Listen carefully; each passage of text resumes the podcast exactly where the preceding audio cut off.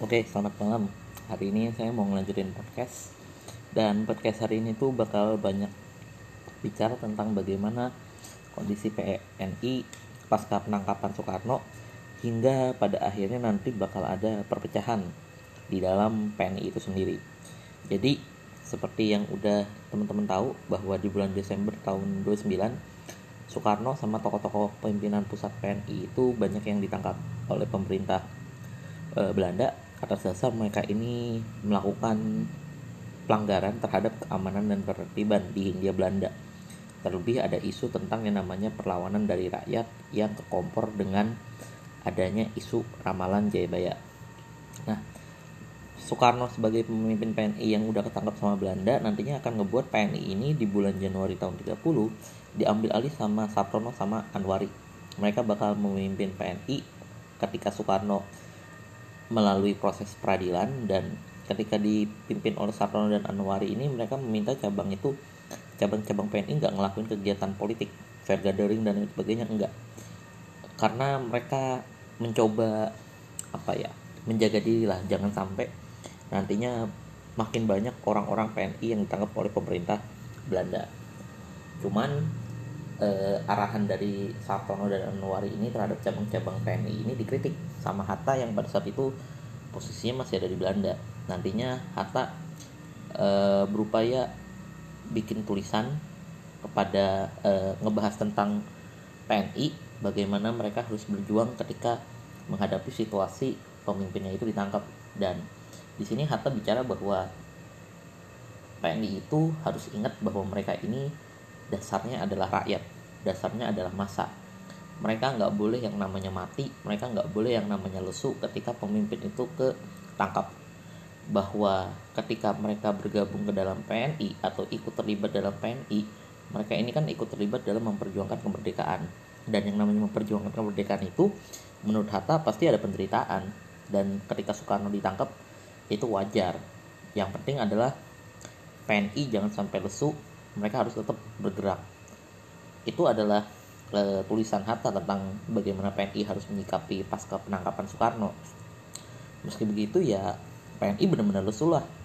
Dan bahkan e, Sartono sama Anwari diajak ngobrol sama Sutomo yang pemimpin kelompok studi Indonesia di Surabaya ngajak PNI ini melebur aja sama kelompok studi Indonesia dan beralih ke gerakan yang sifatnya kooperatif sama berkecimpung di bidang sosial ekonomi.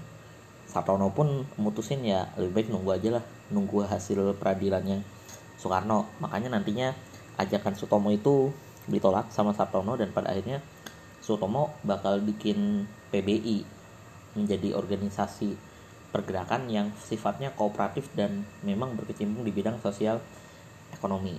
Nah, di samping kita ngelihat PNI yang lagi lesu di sisi lain P3KI yang udah dibuat Soekarno sebelumnya itu juga bener-bener nggak lepas dari yang namanya konflik lah. Apalagi sekarang Soekarno posisinya udah ditangkap. Nanti tahun 29 itu PSI berupaya untuk e, ngelepasin diri dari keanggotaan di P3KI kenapa sih nantinya mereka mencoba keluar dari P3KI karena mereka merasa nggak diajak terlibat dalam kasus Ponali Sangti yang merupakan tuntutan P3KI terhadap nasib buruh buruh di Hindia Belanda.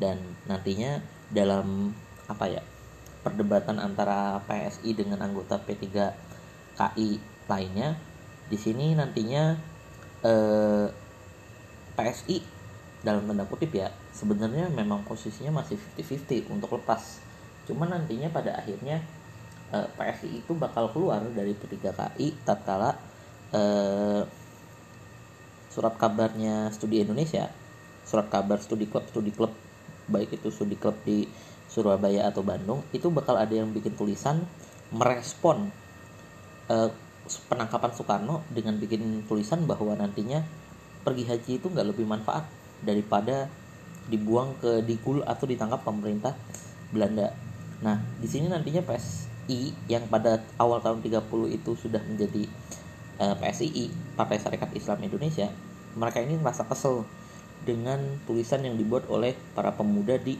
uh, studi klub yang bikin tulisan bilang bahwa e, penangkapan Soekarno itu atau pembuangan ke Digul lebih mulia dibandingkan pergi haji. Makanya di bulan Desember tahun 30 secara resmi PSII itu keluar dari P3KI dan secara nggak langsung nantinya posisinya di sini adalah benar-benar pasca penangkapan Soekarno PNI lesu P3KI udah nggak ada semangat persatuannya lah. Hal yang benar-benar miris itu eh, ngeliat eh, ngebuat bahwa Hatta bikin tulisan lagi tentang kondisi pergerakan nasional di Hindia Belanda saat itu Hatta yang sedang berupaya untuk ngebelain Soekarno yang sedang menghadapi proses pengadilan eh, bingung dengan PNI sama P3KI kok mereka ini malah lemes gitu loh dalam menghadapi apa ya eh, tekanan dari pemerintah Belanda.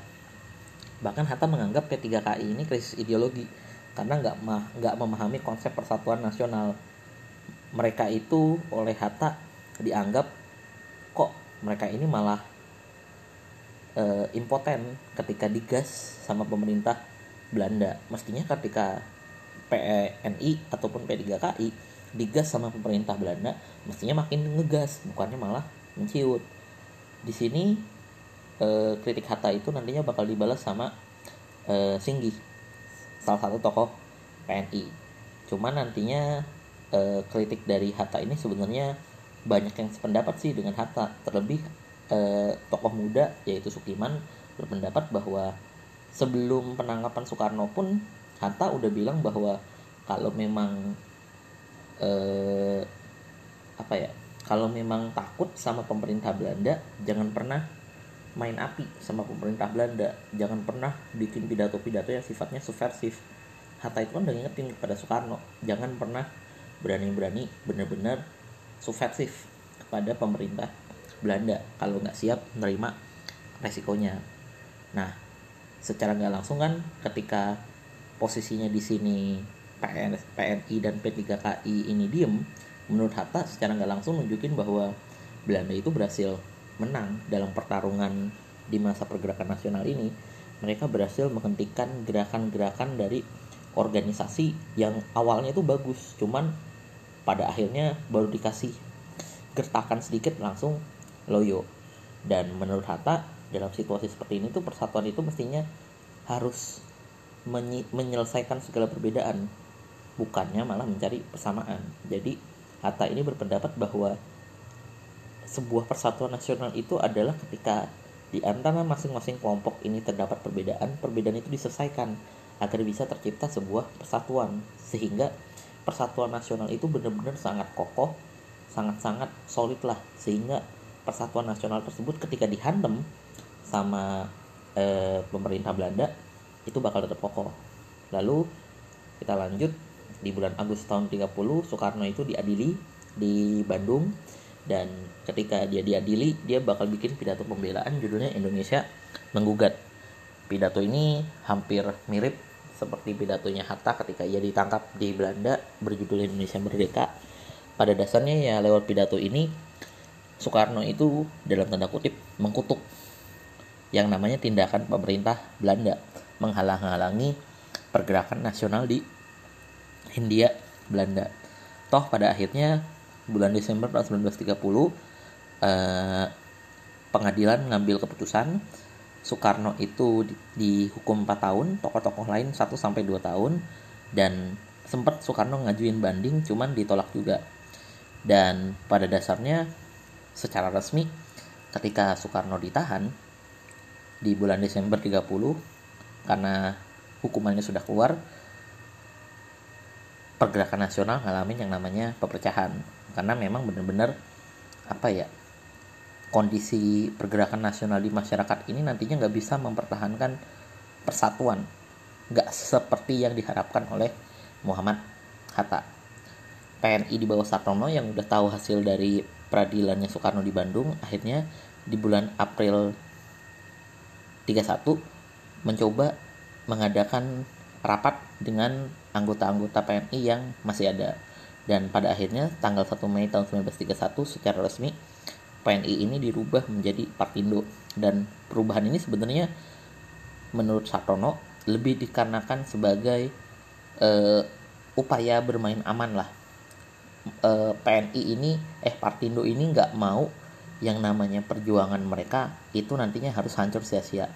Jadi Sartono yang merupakan ahli hukum merasa bahwa kini lewat Partindo perjuangan itu harus difokuskan kepada hal-hal yang nggak memicu perlawanan dari pemerintah Belanda. Makanya nantinya dalam perjuangannya Partindo ini bakal berfokus pada prinsip swadaya yaitu bekerja bergotong royong bergotong royong demi kemandirian suatu masyarakat lalu swadesi berdikari membangun ekonomi rakyat sama kooperatif dengan pemerintah Belanda.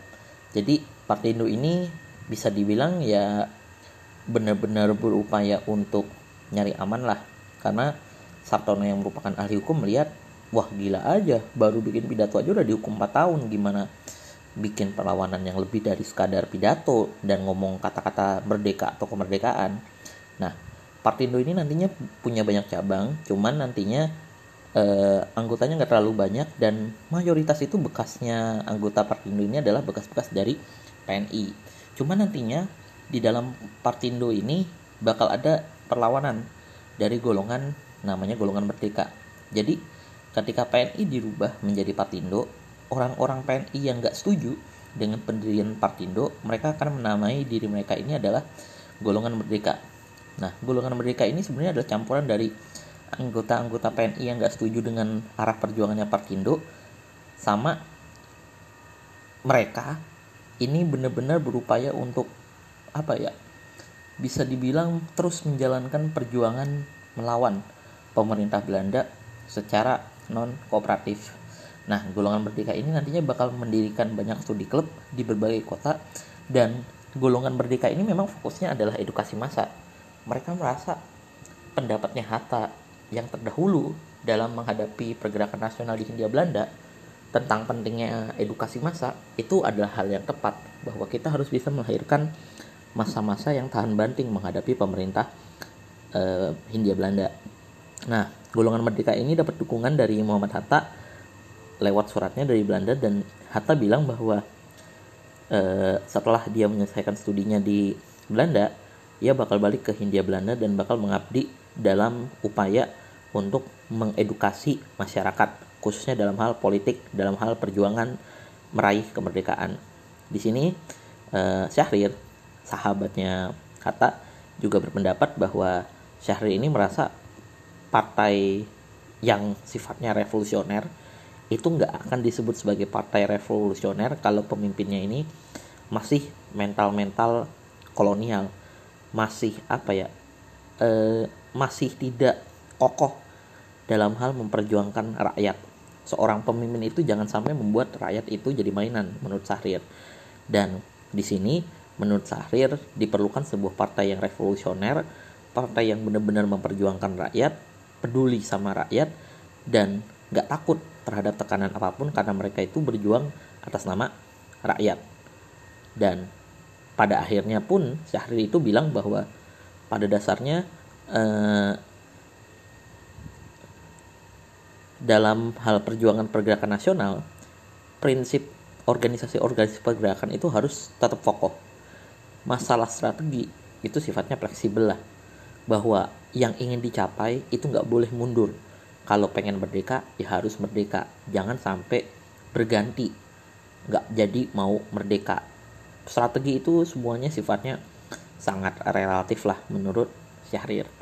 Nah sebagai tindak nyata lebih lanjut e, nantinya golongan merdeka ini di kota-kota besar mereka bakal bersatu dan bakal bikin e, klub pendidikan nasional Indonesia. Jadi studi klub studi klub itu nantinya yang didirikan sama golongan merdeka ini bakal punya sebuah organisasi besarnya bernama Klub Pendidikan Nasional Indonesia yang intinya ini adalah klub ini tuh berguna untuk membina masa agar mereka menjadi masa yang terdidik sama sadar politik. Mereka kampanye lewat surat kabar, uh, judulnya uh, surat kabarnya Daulat Rakyat dan mereka ini memperjuangkan prinsip kebangsaan dan kerakyatan. Di sini nantinya klub pendidikan nasional Indonesia ini bakal melangkah lebih jauh ketika mereka berupaya membuat yang namanya uh, tandingan dari Partindo yang menganggap bahwa mereka adalah kelanjutan dari PNI. Nantinya eh, Klub Pendidikan Nasional Indonesia ini bakal ngebentuk komite koordinasi di mana pada akhirnya di bulan Desember tahun 31 bakal lahir yang namanya Pendidikan Nasional Indonesia Baru.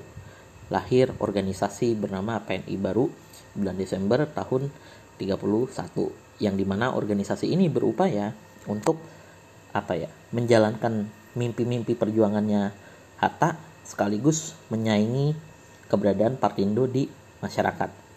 Nah, nantinya eh sebentar. Setelah PNI baru ini berdiri, nggak lama kemudian Soekarno itu bakal bebas dari tahanannya di bulan Desember tahun 31 setelah uh, pemerintah Belanda, India Belanda yaitu Gubernur Jenderal de Graaf itu ngasih keringanan.